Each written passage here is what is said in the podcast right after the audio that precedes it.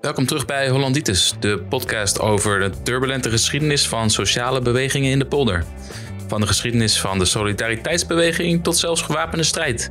Nederland kent een rijke geschiedenis van de strijd van links en van onderop. Maar deze week gaan we verder met onze discussie over de vredesbeweging en antimilitarisme. Ik ben Jeremy en tegenover mij zit Kees. Wij zijn jullie hosts. Heb je het eerste deel van deze aflevering nog niet geluisterd, dan zou ik dat zeker even aanraden om te doen voor je verder gaat. We hebben het vorige week gehad over het ontstaan van de vredesbeweging en antimilitarisme in Nederland aan het begin van de 20e eeuw. Daarna hebben we het gehad over uh, de opleving van de vredesbeweging in de jaren 80 en de komst van Hollanditis, de Dutch disease. En we eindigden ons gesprek met een discussie van de, uh, de oorlog tegen Irak de Eerste Golfoorlog. En we eindigden toen met een dieptepunt van de beweging, waarin een groot deel van de vredesbeweging voor interventies was rondom de oorlog tegen Servië. Vandaag gaan we het hebben over de opleving van de vredesbeweging rondom de zogenaamde War on Terror na de aanslagen van 9-11 op de Twin Towers en het Pentagon in de VS. En de daaropvolgende oorlog tegen Afghanistan en de Tweede Golfoorlog in Irak. We eindigen deze aflevering met een discussie over de, het huidige dieptepunt van de vredesbeweging in de oorlog tegen Oekraïne. Wat gebeurde er na deze oorlog in Kosovo? Ja, toen is eigenlijk de situatie in redelijk snel tempo weer totaal omgeslagen. En kreeg je weer een soort uh, ja, revival van uh, anti-oorlog en, vredesbeweging. En dat had uh, te maken met de globaliseringsbeweging die toen ontstaan was in de tussentijd. Dus eigenlijk tijdens Kosovo was het al uh, dat de eerste globaliseringsachtige netwerken ontstonden en blokkade van de WTO in Seattle en de Zapatistas en weet ik veel wat, dat, dat soort ontwikkelingen. En die konden reageren op het feit dat het Westen Afghanistan eerst en daarna Irak wilde gaan uh, platbombarderen omdat een stel uh, islamitische fundamentalisten het gewaagd hadden om uh, New York en Washington aan te vallen. Ja, dus, dus we, um, ja, we gaan het nog in een toekomstige aflevering hebben over de, de Global Justice Movement, hè, de anti-globaliseringsbeweging. Ja. Je zegt eigenlijk dat de, de structuren en de netwerken die zijn ontstaan rondom die beweging, die die werden op het moment dat het duidelijk werd dat uh, uh, de VS een aanval op Afghanistan en Irak ging inzetten. Die structuren werden gelijk ingezet om, om daartegen te protesteren, te ageren. Ja. En ingezet is natuurlijk, ja, de, die, die structuren waren opgebouwd in snel tempo. Er ontstonden structuren die er daarvoor niet waren. En ook uh, inhoudelijk was het heel anders dan in de jaren negentig, waarin de suprematie van het kapitalisme en nog een soort geloof in neoliberale uh, positieve effecten. Hè. Dat zag je tot ver in de sociaaldemocratie. Dat die dachten ook van dat verhaal van de markt zijn werk laten doen. Dat daar wel wat in zat. En moest je ze een kans geven. En dat was voorbij. Um, en um, nou, daar gaan we het inderdaad in een andere aflevering over hebben. Over wat dat precies heeft bewerkstelligd. Um, maar het was een feit dat er gewoon enorm veel mensen weer op de been kwamen om te proberen uh, invloed te hebben. Ook op de macro politieke en economische uh, beslissingen die toen genomen werden. Was de vorming van de EU was toen een, een hot topic. Uh, met, met toppen uh, overal. Elk half jaar had je toen de EU-top. Dus dat was, was makkelijk scoren ook. en, maar ook het WTO en het WEF en weet je, G8. Ja, IMF en Wereldbank. Allemaal van dat soort vergaderingen. Die werden door um, netwerken van activisten en NGO's en soms partijen en vakbonden en zo die er allemaal last van hadden, werden die belaagd. Ja, dus dat zijn eigenlijk die, die, die netwerken en structuren waar we het net over hadden. Het zijn allemaal die organisaties die rondom een ander thema, uh, wellicht gerelateerd, uh, maar toch, toch uh, economische thema's ja. aan het organiseren waren. En die pakten over. Ja, toen kreeg je dus 9-11, 2001. Ehm, die uh, gruwelijke aanslagen in uh, New York. En die dreigden eigenlijk, los van de, van de, de gevolgen die het in, voor de mensen die in het WTC-gebouw in New York zaten, of in, in daaromheen. die dreigde die hele opkomende globaliseringsbeweging weer ongedaan te maken. Dat, daar komt ook gedeeltelijk de complottheorie van de inside job komt daaruit voort. En van dat is niet toevallig dat het net nu uh, gebeurde. Nou, ik denk dat het, uh, daar kunnen we het ook een keer over hebben misschien. Ik denk dat het wel toevallig is, of in ieder geval dat, het, dat die Al-Qaeda het ook goed uitkwam, om, omdat zij er ook last van hadden. Dat er steeds meer mensen gingen denken van, hé, hey, protesteren voor brood. een eerlijke wereld is veel interessanter dan die kerken van jullie. Um, maar in ieder geval, als onmiddellijke reactie daarop, uh, het werd, werd, snel duidelijk dat, uh, zoals ze dat noemden, ze ergens in een grot in Afghanistan uh, zich verscholen hadden en dat ze het van daaruit georganiseerd hadden. Nou, dat, dat is iets wat eigenlijk steeds moeilijker te geloven is. En de rol van Saoedi-Arabië, die, die hangt ook nog ergens. We gaan het daar nou niet over hebben. Maar als reactie besloten ze om al redelijk snel om dan Irak maar uh, aan te gaan vallen. Eventjes uh, om, om een stap terug te nemen. Er werd ook iets verpants verkondigd, namelijk een nieuwe soort oorlog. Een war on terror. Het was niet een, een oorlog tegen één specifieke een, een land, hè, zoals, zoals ze dat voorheen, ja. of een uh, of een ideologie aan zich, als uh, weet ik veel, uh, tegen het communisme of, of, of, wat dan ook. Maar het was tegen terrorisme. Ja. En dat, dat, werd, en dat werd natuurlijk ook gebruikt om, om die bewegingen waar we het net over hadden, die mond, mond dood te maken. En ja. niemand durfde meer de straat op te gaan om, om te demonstreren voor economische gelijkheid of voor, voor wat dan ook. Want ja, het was, het was niet meer het moment om daarop, daarover te demonstreren. Want er was, de sympathie zat aan de, aan de, aan de, in de kant van de Amerikanen. En er was een, een hoop nationalistisch um, gevoel. Um, we moeten samen tegen, hè, tegen de terroristen uh, optreden. Um, desalniettemin is het toch gelukt om toen er zeg maar, echte oorlogen werden verklaard. Eerst in Afghanistan en toen in Irak. Om een hoop mensen op de been te krijgen. Ja, nee, precies. En dat was in feite een vooruitgang uh, vergeleken met de jaren negentig, waar we het hiervoor over hadden, uh, of Kosovo, toen dat niet lukte. Maar goed, zoals je hiervoor ook al zei, er zijn altijd verschillen tussen de ene interventie is de andere niet. En uh, dus, um, kijk, voor Afghanistan gold dat daar was nog misschien enigszins een logische reden voor om de interventie. Want Bin Laden en, en zijn bende, die zaten daar en die werden getolereerd door het regime wat, wat daar zat. Nou, het regime heeft destijds natuurlijk ook gezegd: uh, als jullie eh, bewijzen leveren, dan, uh, dan uh, zullen we overwegen om de mensen te overhandigen die ja. jullie beschuldigen. Zo, zoals dat zou moeten gaan in het internationaal recht. Ze hebben zelfs aangeboden om ze uit te leveren. Ja. En daar zijn ze niet op ingegaan. Dus maar ik, ik verplaats ze me meer in de hoofden van mensen die denken van nou, misschien er moet iets gebeuren. Weet je, als je zo aangevallen wordt, ja, dan ga je terugslaan. En wij wisten meteen dat gaat verschrikkelijke gevolgen hebben. En toen hebben we uh, een anti-oorlogsplatform opgericht. Platform tegen de nieuwe oorlog. En er werden meteen, weet ik veel, 60 organisaties lid van. En dat was toen omdat die structuren bestonden. Uh, we waren toen al bezig om, om tegen het MAI-investeringsverdrag en al die, al die globaliseringsthema's dingen te organiseren. Kon je dat heel makkelijk doen. En toen hebben we een eerste demonstratie tegen de aanval op Afghanistan georganiseerd op de Dam in Amsterdam. En daar kwamen iets van 10.000 mensen. En het was voor iedereen, ook voor ons, maar vooral de media, die stonden echt flabbergasted. Die hadden nog nooit zoiets gezien. Maar er was heel lang was er niet op zo'n schaal gedemonstreerd. Maar bovendien, op zo'n thema.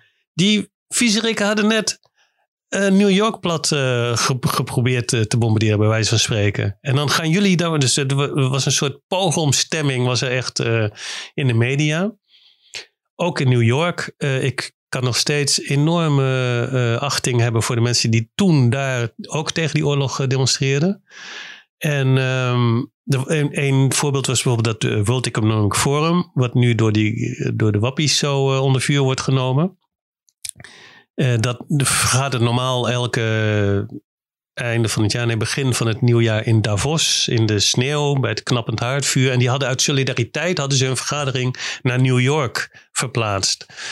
Dat was, dat was enkele maanden na die uh, aanval. En toen uh, hebben desondanks die, die globaliseringsbeweging in New York was nog sterk genoeg om daar blokkades tegen te organiseren. En nou, die werden natuurlijk aan alle kanten voor landverraders en weet ik veel wat uitgemaakt. Maar dat ging wel door. Er waren duizenden mensen die zich daar uh, aan, uh, die daaraan deelnamen. En dat gold dus ook in Nederland en veel andere landen waar demonstraties tegen het aanvallen van Afghanistan werden georganiseerd. En de eisen zou je dit is niet zo heel lang geleden, dus dat kan je waarschijnlijk nog iets op internet van terugvinden van wat we precies wilden. Maar in ieder geval was duidelijk dat wij en de mensen die in dat plat, platform zaten en die kwamen demonstreren, wilden voorkomen dat een onschuldige bevolking in Afghanistan, die daar helemaal niks mee te maken had, dat die de klos zou worden. En iedereen zag aankomen dat dat was wat zou gaan gebeuren. Nou, toen uh, zo'n grote demonstratie. En dat was nog maar een kleine voorbode eigenlijk voor wat daarna kwam. Want toen kreeg je dat hele vieze, gruwelijke politieke schaakspel. Die, de, was toen ging Bush, uh, de zoon, was toen aan de macht. En die uh, gingen bedenken dat Irak er iets mee te maken had. Terwijl iedereen, ja, dat was, was het eerste. Je hoeft hier niet eens voor naar school te, te, zijn gegaan of iets over de wereld uh, te weten of zoiets. Dat, was geen enkel bewijs voor. En toen kwamen ze met zo'n enorm propaganda-offensief over uh, weapons of mass destruction die dit daar zouden zijn. En dat was het, uh, het middel wat ze eigenlijk ingezet hebben om een, een doorstart naar het aanvallen van Irak voor elkaar te krijgen.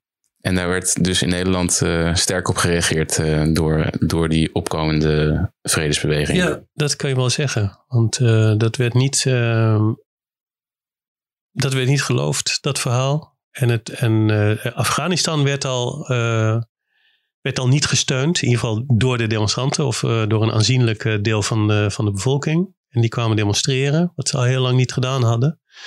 En toen, toen er doorgestart werd naar Irak, uh, nam dat nog enorm toe. Uh, en toen zijn er twee korte tijd toen duidelijk werd dat ze daadwerkelijk uh, voorbereidingen maakten om die aanval echt in te gaan zetten. Toen zijn er in korte tijd achter elkaar twee grote demonstraties geweest. Um, en daar kwamen 70.000 mensen op. De, eerste demonstratie is, is dat officieel geteld. De, toen toen um, moest de politie dat ook toegeven. Dus 70.000 mensen is een is een forse demonstratie natuurlijk voor, uh, voor naoorlogsperiode. Uh, dat was nog in, in, dat was onderdeel van een internationale dag van mobilisatie. Toen is er op de hele wereld is er uh, gedemonstreerd. En er wordt door mensen die er verstand van hebben en dat geteld hebben gezegd dat dat de allergrootste mobilisatie was sinds de Vietnamoorlog. En het was ook uniek in het feit dat um, dit was een een, een, een, mobilisatie tegen oorlog voordat de oorlog überhaupt begonnen was.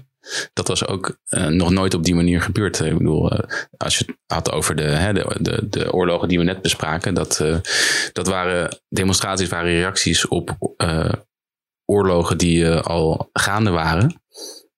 nu werd er een poging gewaagd om die oorlog überhaupt uh, tegen te houden. Door het feit dat er zoveel mensen op de been waren gekomen in, in tientallen, uh, misschien wel honderden steden over de hele wereld heen. Had men de hoop dat ja, met zoveel protest, met zoveel uh, weerstand, dat het niet, niet zouden doorgaan. En het is misschien interessant om ook te weten, zeg maar, al die netwerken die als onderdeel van die globaliseringsbewegingen waren opgezet met People's Global Action, uh, al die netwerken die, die, die werden ingezet om zo'n internationale demonstratie uh, neer te zetten. Ja, dat was ook een, een unieke, uh, hè, een, een, teken van globalisering, maar dan van, van onderaf. Ja. Dat het mogelijk werd om gecoördineerd een mondiaal geluid te laten horen tegen, tegen de oorlog. Ja. Het was um, ja, toen het fenomeen van de sociale fora. En er was een Europees Sociaal Forum. Um, ik weet niet of ik het uit moet leggen, misschien wel. Want er zal een generatie zijn die dat ook niet heeft meegemaakt. Maar dat was onderdeel van die globaliseringsbeweging. Ehm, om, en het is ooit in Brazilië is begonnen om te proberen die beweging uit de hele wereld bij elkaar te brengen. Dat werd toen het Wereld Sociaal Forum en dat was zo'n succes. Dat ze toen bedachten, dat gaan we ook op lokale of regionale niveau organiseren. En die werden ook gigantisch groot. En het um, Europees Sociaal Forum in Florence, dat was vlak voordat de aanval op Irak uh, begon. En toen is daar een demonstratie tegen de oorlog uh, gehouden, waar een miljoen mensen aan, uh, aan deelnamen. In Florence alleen al. Um, en tegelijkertijd, um, dat is het resultaat van dat mensen zeiden van we moeten nu prioriteiten stellen. Die, die fora en die globaliseringsbeweging die ging over van alles en nog wat. Hè, over privatisering van diensten en vrouwenrechten en weet ik veel wat. Want globalisering raakt alles.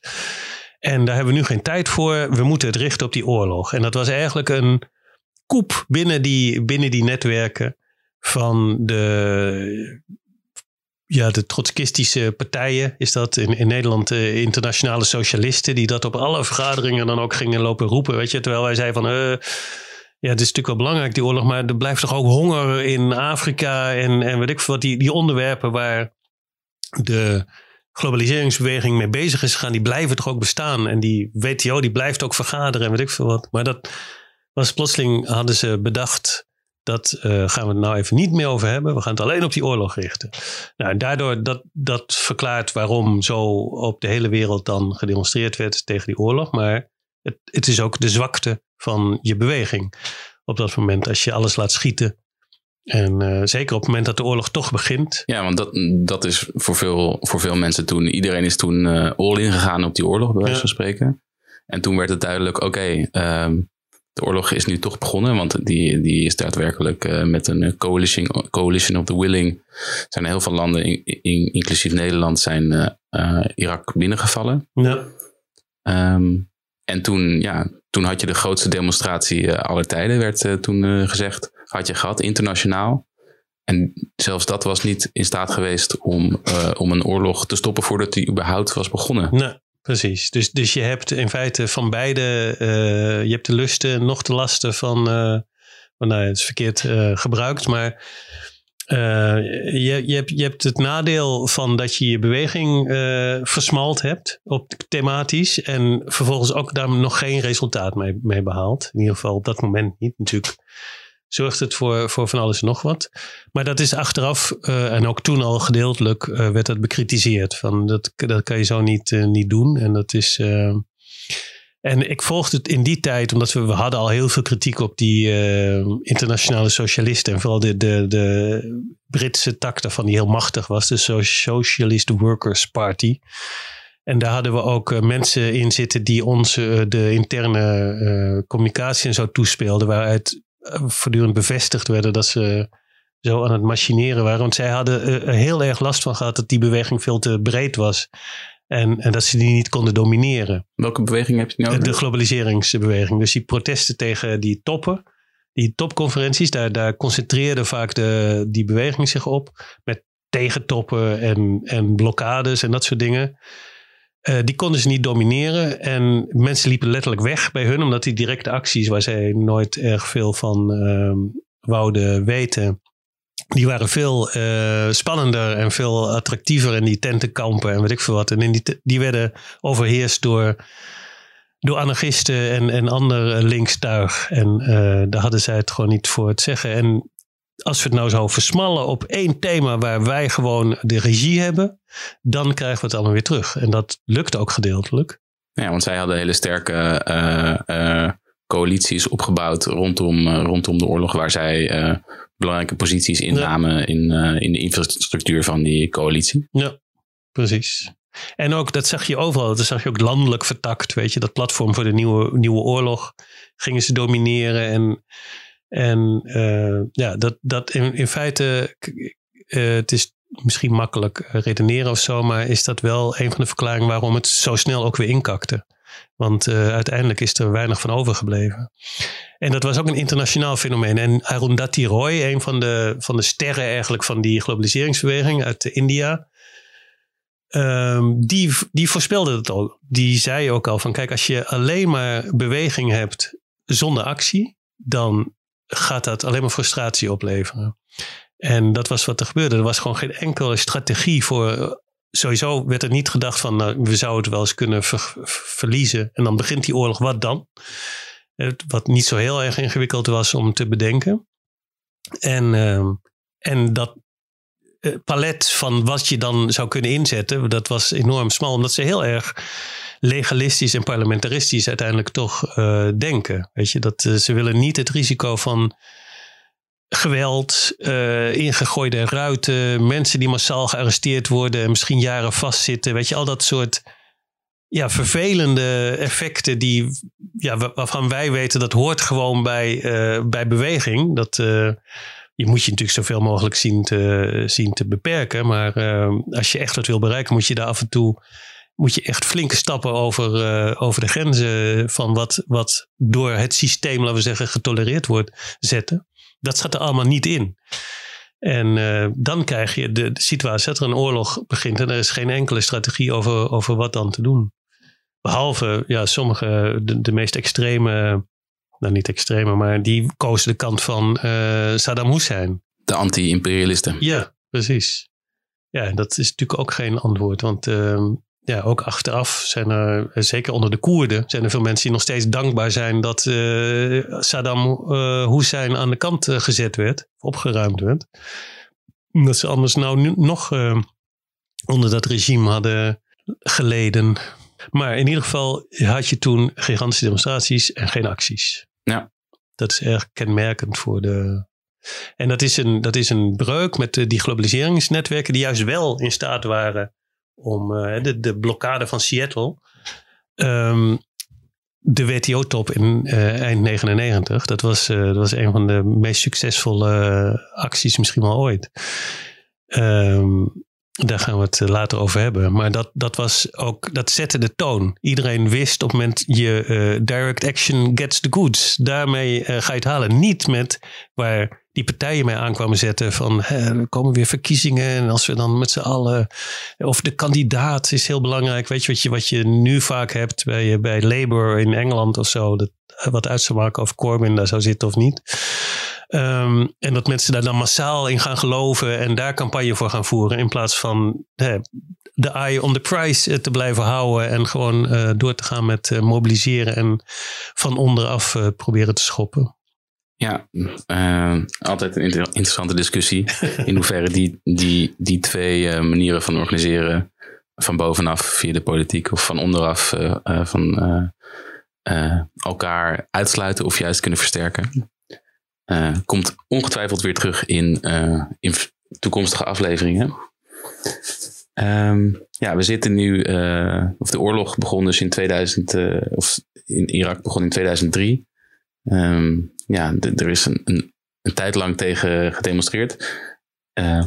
Ik, ik werd actief uh,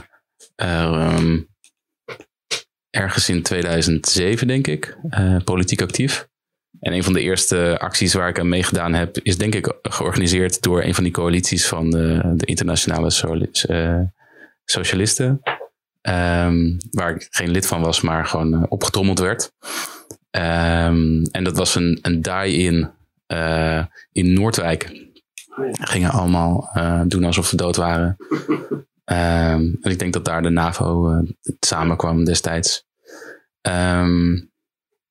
Dus ja, is, um, ja, voor mij ook een van de eerste dingen waar ik bij betrokken was. Aan, verder heb ik weinig ervaring met anti- of vredeswerk of anti-oorlogs um, acties en, en, organiseren.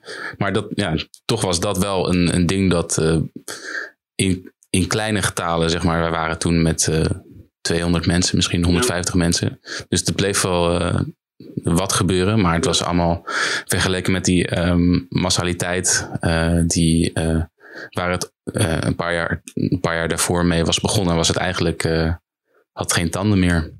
Nee, Nee, zelfs dat was georganiseerd, denk ik, door wat er nog over was. Ik denk, eh, en die kleine activistische NGO's, die heb je nu natuurlijk nog steeds. En die vervullen nu ook als enige de belangrijke rol van te proberen om de kritiek op de oorlog levendig te houden. Hè? De, Amsterdam tegen de oorlog vergadert elke, demonstreert elke maandag. En de Amsterdamse Vredesinitiatief. Ja, Amsterdamse Vredesinitiatief en Stop de Wapenhandel en Amok. En, en dat soort groepjes die, die bestaan nog, maar ja, het zijn eigenlijk uh, zijn klein geworden. En uh, ik bedoel, het, het is belang, belangrijk dat ze er zijn. En vooral hun onderzoekswerk en zo is natuurlijk hartstikke belangrijk. Maar ze kunnen niet meer die rol vervullen van het bereiken van grote delen van, uh, van Nederland. Ik vond het nog interessant dat uh, toen die grote demonstraties ontstonden tegen de invasie in Irak. Toen is er onderzoek gedaan door sociologen of politicologen onder die demonstranten. Die vroegen zich af waar komen die allemaal vandaan. En er zijn wel interessante uh, bevindingen uitgetrokken. En een van de conclusies was dat uh, ze kwamen vooral uit, de, voor zover ze niet uit Amsterdam kwamen, waar het heel makkelijk is om gewoon even je deur uit te stappen en dan een rondje te lopen.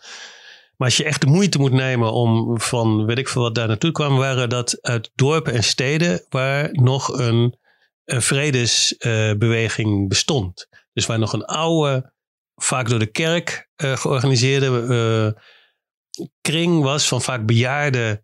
Ik denk dat de doorsnee leeftijd was ook hartstikke hoog. Um, vredesactivisten. En als die er nog was, dan konden ze elkaar opbellen of, of konden ze elkaar bevestigen. Van ja, er is een demonstratie in, maar, en, maar ben je dan tegen die oorlog? Weet je, dan kon je die discussie kon je in ieder geval voeren. Terwijl als iedereen de geïndividualiseerde uh, massa, laten we zeggen, die ontbrak. En dat was uh, denk ik ook een belangrijke les. Ehm, dat, want dan voel je in je eentje en dan word je veel meer ook beïnvloed door media. Die jou vertellen van nou, daar kan je echt niet tegen zijn, want het is zo'n verschrikkelijk regime en uh, ze zijn gek als ze gaan demonstreren. Ja, er zijn, er zijn niet genoeg uh, in deze tijd, zouden dat, zouden dat websites zijn.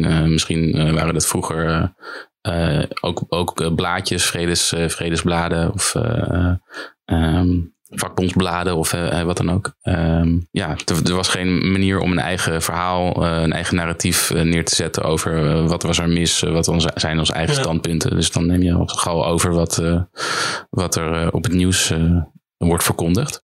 Ja, behalve dan, voor, kijk, die, die middelen zijn er misschien nog wel, want het is redelijk makkelijk om een website op te zetten en veel mensen doen het ook. Maar als je, als je geen kring hebt om je heen waar, waarin je die berichtgeving kan delen, dan ga je kiezen voor wat jou het best bevalt en uh, jouw vooroordelen. En nou ja, goed, dat is dat, dat eeuwige discussie over de bubbels van de sociale media natuurlijk. Maar het feit dat er nog sociaal een kring bestaat die zich met die thematiek bezighoudt, kan jou ertoe uh, stimuleren om, om aan protest uh, deel te nemen. Ja, het katalyserend effect hebben ja. dat, die, kleine, die kleine groepjes. Ja, die misschien al, als je in zo'n groepje zit of in zo'n groep gezeten hebt, uh, lijkt het altijd heel erg uh, uh, nutteloos, futile. Ja. Waar zijn we mee bezig? Maar op het moment dat, dat het nodig is, zijn dat wel de, de structuren waar, waar je op terug kunt vallen en dingen ja. mee kunt gaan doen. Precies, dus die, die zijn cruciaal.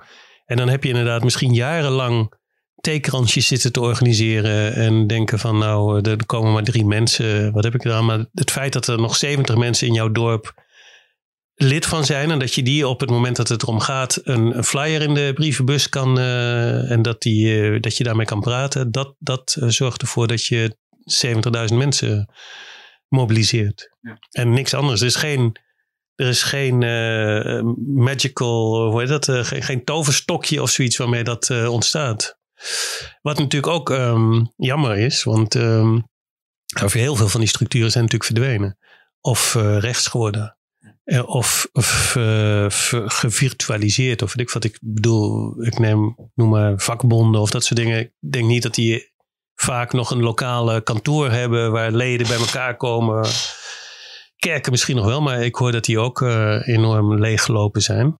Dus we hebben gesproken over de, de oorlog in Kosovo. Over hoe ga je met een als een beweging om met een oorlog uh, waar beide partijen uh, niet je vrienden zijn, zeg maar. In dat, in dat geval de NAVO en uh, Servië of Milosevic. Ja, dat is een terug, terugkerend thema bij oorlog tegen Saddam Hussein, tegen, tegen Irak in de Tweede Golfoorlog, waar we het zojuist over hadden. En ehm, nu is er ook een oorlog gaande. Rusland heeft Oekraïne binnengevallen. Hoe is daarop gereageerd? Hoe, hoe wordt er gekeken naar al die, al die problemen, controversies, ingewikkelde situaties die, die er ontstaan binnen bewegingen? En hoe wordt er gekeken naar die oorlog nu? En wat moeten we daarmee? Want het is, ja, we hadden het al over dat elke oorlog is uniek, elke situatie is uh, uniek. Je kan heel moeilijk uh, algemene uh, proclamaties maken over dit is goed of dit is fout. Ik denk, denk ook niet dat, we, dat wij dat nu hier gaan doen over deze, deze oorlog. Maar we kunnen het misschien wel hebben over hoe daar nu op gereageerd wordt in Nederland. Wat er nog over was van die die vredesbeweging en hoe, hoe zij daar een rol in hebben weten te spelen. Ja, nou het, voordeel is dat iedereen daar uh, natuurlijk nu zelf bij is. Je, je kan je mening vormen door uh, zelf te kijken wat de situatie is. En wat je ziet is dat het inderdaad mensen de grootste moeite kost om, om een positie te kiezen die niet de kant van de NAVO uh, kiest. En dat, dat is denk ik wel het nieuwe van deze situatie. Dat aan, tot ver aan de linkerkant iedereen dat doet. En weigert om, om, om kritiek überhaupt op, op Oekraïne of op de rol van de Europese Unie of uh, van de NAVO te hebben in de aanloop naar die oorlog toe. En kijk, je, je hebt een aantal stijve Stalinisten die natuurlijk aan de kant van Rusland staan. En ook trouwens een hele hoop complotwappies en weet ik veel wat. Dat is, dat is op zich ook interessant en, en dreigend. Maar verder in het echte politieke spectrum of zoiets is tot ver aan de linkerkant is iedereen uh, vindt, vindt het uh, verdedigbaar dat Oekraïne uh, met NAVO-wapens en liever nog meer dan, dan minder terugslaat. Om samen te vatten voor de mensen die niet in detail gevolgd hebben hoe die oorlog is begonnen en welke partijen daar nu precies een rol in spelen. Wat is daar gebeurd? Nou, 24 februari officieel heeft Rusland uh, de aanval ingezet. Um, daarvoor waren ze al uh, maandenlang bezig om uh, enorme troepenverzamelingen aan de grens neer te zetten. En hun officiële reden is dat. Er is natuurlijk in 2014 een soort opstand uitgebroken. Ehm, waarin de pro-Russische regering opzij geschoven werd. En zij in feite wie die zij ook waren. Dat was natuurlijk een chaotische situatie toen de kant van het Westen kozen. En ook uh, duidelijk maakte EU-lidmaatschap te gaan aanvragen. En dus, dus het land verschoof vanuit de invloedssfeer van, de, van Rusland naar, uh, naar het uh, westen toe, naar, naar Europa toe. Ja, nou en toen heeft Rusland gereageerd door ten eerste de Krim, een, een belangrijk deel van Oekraïne, te bezetten. Ook omdat hun militaire haven daar uh, ligt. En de enige haven voor hun voor naar de Zwarte Zee uh, daar gesitueerd is. Maar ook twee gebieden waar in meerderheid pro-Rusland, pro-Russische mensen wonen, claimen zij. En dat hebben ze met een referendum hebben ze het ook uh, weten bevestigd te krijgen, waarvan de Oekraïne zegt, ja, dat is totaal onder ondemocratische bedreiging van iedereen die niet voor Rusland was uh, uh, uitgevoerd. Nou, en toen, sinds 2014, is dat een zeer omstreden gebied geweest. En de, die ook door Oekraïense paramilitaire eenheden, waar aan, aanzienlijke hoeveelheden fascisten ook bij zaten, uh, aangevallen. En die hebben ja, eh, dat is weer zo'n propagandaslag. Uh, van dat je nooit weet welke versie nou klopt en welke niet. Maar in ieder geval dat daar vele doden zijn gevallen is wel duidelijk. En de NAVO en de Europese Unie hebben daar nooit goed op gereageerd. Die zijn sterker nog, die zijn doorgegaan met uh, hun beleid om Oekraïne aan hun kant te krijgen en te houden. En de Russen hebben daarvan altijd al gezegd dat ze dat niet gaan accepteren. Want het speelt zich aan hun grens af. Ik denk dat een van de belangrijkste feiten is dat in september vorig jaar uh, de NAVO een gezamenlijke uh, oefening heeft gehouden met het Oekraïense leger aan de Russische grens. En dat uh, Poetin toen gedacht heeft, nou nu gaan we even duidelijk maken dat dat niet geaccepteerd gaat worden. En vanaf toen zijn ze begonnen met de invasie voor te bereiden. En die is nu gaande eigenlijk. Het oorspronkelijke idee was, zij dachten echt dat ze in een paar dagen Kiev bereikt zouden hebben en Oekraïne verslagen zouden hebben. Wat ze dan voor plannen hadden dat is onduidelijk. Misschien hadden ze nieuwe verkiezingen uitgeroepen of weet ik veel. Of het bezet gehouden. Maar dat, dat mislukte omdat de Oekraïense leger en, en een groot deel van de bevolking zich toch op een ja, zeer militante wijze verzetten. En ze teruggedreven heeft, of in ieder geval voorkomen heeft dat ze alles konden bezetten. En sindsdien is het Russische activiteit zich voornamelijk uh, op die zuidoostelijke deel, waar die Luhansk en, en die, die twee grote provincies liggen en de Krim. En dat proberen ze wel uit te breiden, maar ja, het, uh, de NAVO is niet direct betrokken. Uh, nu bij deze oorlog, maar het zijn wel haar wapens. En, en zonder die wapens, uh, ze hebben een bewust besluit genomen om die te leveren. En dat uh, elke keer zijn ze weer op en dan wordt, wordt, wordt weer opnieuw in de pot gegra gegrabbeld. En dat gaat inmiddels om enorme hoeveelheden en enorme bedragen ook. En dus is, is de directe rol van het Westen bij die oorlog, die is er eigenlijk zonder dat ze de laatste stap, namelijk om ook uh, zelf uh, materieel en mensen te sturen, uh, nog zetten. Ja, een proxyoorlog. Ja, en um, ja, dat komt ze natuurlijk heel goed uit. Want dan hoeven ze niet zelf met de lijken thuis te komen. Dat, die blijven in Oekraïne. Dus je hebt net in grote lijnen de, de situatie geschetst van de oorlog van Rusland tegen Oekraïne. Um, op welke manier is, uh, is Nederland en de NAVO uh, daarbij betrokken? Ze zijn dus niet uh, um, zelf um, met boots on the ground, zoals ze dat zeggen, um, betrokken. Maar ze financieren, de, de wapens worden geleverd, gedoneerd of gefinancierd. Wat, op welke manieren worden nog, wordt er nog meer druk uitgeoefend op, op Rusland? En als we dat besproken hebben, kunnen we het weer even hebben over de reactie in, in Nederland van van ja, de vredesbeweging hierop. Ja. Welke reactie? Maar ja, uh, ja het vast, vaste prik tegenwoordig bij dit soort interventies is dat er ook uh, diplomatieke uh, activiteiten en sancties op losgelaten worden. En die zijn eigenlijk minstens zo omstreden als de gewapende deel van, van zo'n oorlog. Omdat sancties treffen de hele bevolking, meestal. Het zijn vaak economische sancties. Um, ja, het bekende voorbeeld uh, in, in, in Irak was uh, dat de sancties van de VS op Irak hebben geleid tot de dood van 500.000 kinderen. Omdat, omdat essentiële voedsel en ook medische producten het land niet binnen konden komen. Ja. En dat minister van of State, Madeleine Albright, op een tv-programma zei van ja, dat dat is misschien wel zo, maar dat was dan wel de moeite waard. Dus sancties, uh, het is niet alleen maar uh, kogels en uh, bommen die het leed opleveren, maar honderdduizenden, misschien wel miljoenen mensen kunnen door indirecte gevolgen van, van de oorlog en ook door sancties geraakt worden. Ja, en, en in die zin is dat natuurlijk ook een specifiek wapen wat het Westen domineert. En, en nu in het geval van Rusland is het natuurlijk een iets andere situatie. Kijk, ten, ten eerste, die kritiek over die sancties, die wordt ook weer opgevangen door dat ze gaan tweaken met die sancties en gaan zeggen van nou, we doen dan smart sancties of zo, die echt alleen de elite treffen die we moeten hebben en zo. Uh, dat, is natuurlijk niet echt heel geloofwaardig als het gaat om hele uh, ja, importverboden uh, of exportverboden juist. En economische uh, blokkades en, en dat soort dingen.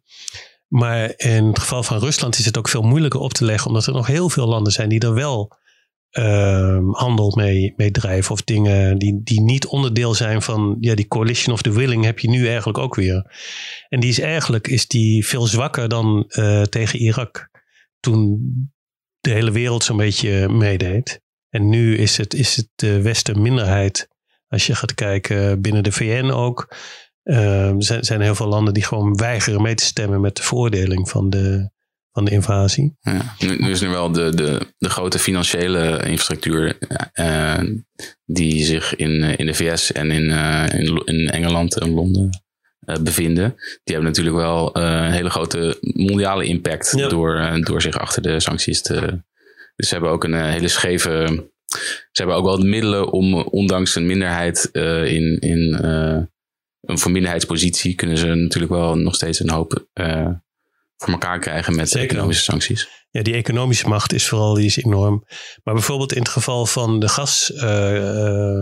gasafname, boycotten, leidt dat aantoonbaar tot een enorme stijging van de prijs van het gas. Waarmee per saldo Rusland natuurlijk niet uh, achteruit gaat. Als ze dat uh, ergens anders kunnen afzetten. En, en landen als China en, andere landen die doen dat. Die, die, die, kopen van hun. Maar die pijpleidingen liggen natuurlijk naar ons toe. Dus dat is, je, dat is uh, het schreven aan de situatie. Um, maar in principe, als, als, als ze zouden bestaan, als er sancties zouden bestaan die echt alleen de elite van zo'n land uh, pakken, ja, dan, dan zou je daar uh, voor kunnen zijn.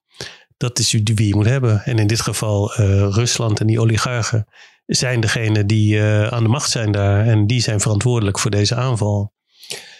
Maar zoals we toen concludeerden, er is onderzoek gedaan naar waar die oligarchen hun geld hebben gestald. En dat is voor een heel groot deel in Amsterdam op de Zuidas. dus eigenlijk zou het veel logischer zijn om daar je tanks heen te sturen. En ehm, als er iets kapot gemaakt moet worden, dan moet je daar zijn als je ze wilt treffen. Um, en dat zijn natuurlijk dingen die veel minder uh, slagvaardig aangepakt worden in, uh, in westerse landen. Maar goed, ondertussen duurt die oorlog voort en het is een verschrikkelijke jamboel en het wordt alleen maar erger en er vallen echt duizenden doden per dag. Dat, dat, dat is een, uh, een zwaar probleem. En we moeten er wat mee. Ja, je kan niet zoals tot ver in links gedaan wordt, plotseling de NAVO gaan ondersteunen. En de Nederlandse regering in staat achten om in dit geval de oplossing te gaan leveren. Het is vooral um, schrijnend dat er zo weinig uh, geageerd wordt nu op, op allerlei gebieden. Er wordt natuurlijk wel heel veel, zeker in het begin, uh, humanitaire uh, hulp aan Oekraïnse vluchtelingen. Zo, die waren enorm populair een, tijdje. En ik hoor nu alweer allerlei geluiden dat ze, dat ze alweer op dezelfde schaal komen als de rest van de vluchtelingen. Maar um, en dat zag je natuurlijk wel en overal um, vlaggetjes voor Oekraïne en zo. dus dat is in principe is dat, is dat wel natuurlijk een goede ontwikkeling. Dat, dat mensen, dat zouden ze bij elk conflict moeten doen, weet je, of bij elke oorlog. En al die vluchtelingen zouden zo onthaald moeten worden. En iedereen zou zich met wat er nu in Somalië of uh, Ethiopië gebeurt, of weet ik veel wat, moeten, moeten, moeten engageren. Ja, mensen in Oekraïne zijn natuurlijk uh, erg uh, ze lijken heel erg op, uh, op ons, ja. Eh, of, of uh, veel mensen hier in Nederland. Dus dat maakte het, het, misschien makkelijker voor, voor een hoop mensen om zich in te leveren in, in, te leven in hun situatie. Ja. Maar, maar goed, zoals we al een paar keer zeiden, van, er is ook een op, opvallend hoeveelheid mensen, ook ver in het linkse kamp. Hè, alle linkse partijen uh, behalve de SP geloof ik, de steun aan de, aan de NAVO uh, in hun beleid. En zien alleen maar als oplossing om de Russen te verslaan. Terwijl dat steeds meer op lijkt dat dat niet gaat gebeuren. Ik bedoel, Rusland is natuurlijk ook een gigantisch uh, land met een enorm leger. En uh, die hebben een capaciteit om dit jaren vol te houden. Dus daar moet je wat mee. Je moet, uh, je moet een, een, strategie hebben en een eisenpakket wat erop gericht is om dat conflict zo snel mogelijk te beëindigen. Ja, en dat kan ook natuurlijk, kan het Westen ook prima goed uitkomen. En misschien doelen ze daar wel op om, om Rusland helemaal te laten doodbloeden op die, uh, op die oorlog. Ja, maar ik vraag me dat af. Ik vind dat te veel complotachtig. Want het kost het Westen op dit moment ook natuurlijk gigantische hoeveelheden geld. En het feit dat die inflatie zo aan het, uh, uit de hand aan het lopen is, heeft gedeeltelijk ook uh, daarmee te maken. En daar hebben ze ja, geen belang bij om dat voor te laten duren. Dat, dat, in die zin kan je het net zo goed omdraaien en zeggen zij hebben er belang bij dat het zo snel mogelijk opgelost wordt. En zij willen ook niet dat Oekraïne helemaal verwoest wordt. Dat, uh, dat gaat ook los van de menselijke en dierlijke uh, schade die dat teweeg brengt. Enorme hoeveelheden geld kost om dat weer op te bouwen. Uh, dus ja, ik denk dat ook in het Westen er genoeg steun zal zijn om dit zo snel mogelijk te beëindigen. Maar zolang dat er niet is, moet je natuurlijk iets. En dan denk ik van dan kan je veel beter je richten op het steunen van uh, sabotage en, en desertie en weet ik veel wat, in, vooral in het Russische kamp. En daar gebeuren echt enorm veel acties waar wij weinig van af weten, maar waar wel uh, mensen mee bezig zijn. En daar zou je op, op in moeten zetten als linkse beweging in, in Nederland. Uh, en bij Lipcom zijn een aantal websites waar daar gewoon wel mensen die ook Russische of Oekraïens of weet ik veel wat kunnen. Lipcom.org is een website, ja. En ehm, ja, dat is op dit moment. iedereen weet ook dat in, in Rusland de repressie enorm is toegenomen. Dat er duizenden mensen vastzitten. omdat ze zich verzetten tegen deze oorlog. En ja, dat, dat is denk ik, uh, de belangrijkste uh, doelwit voor ons zou dat moeten zijn om daar solidariteit mee te organiseren. Ja. En natuurlijk ook met slachtoffers in, in Oekraïne.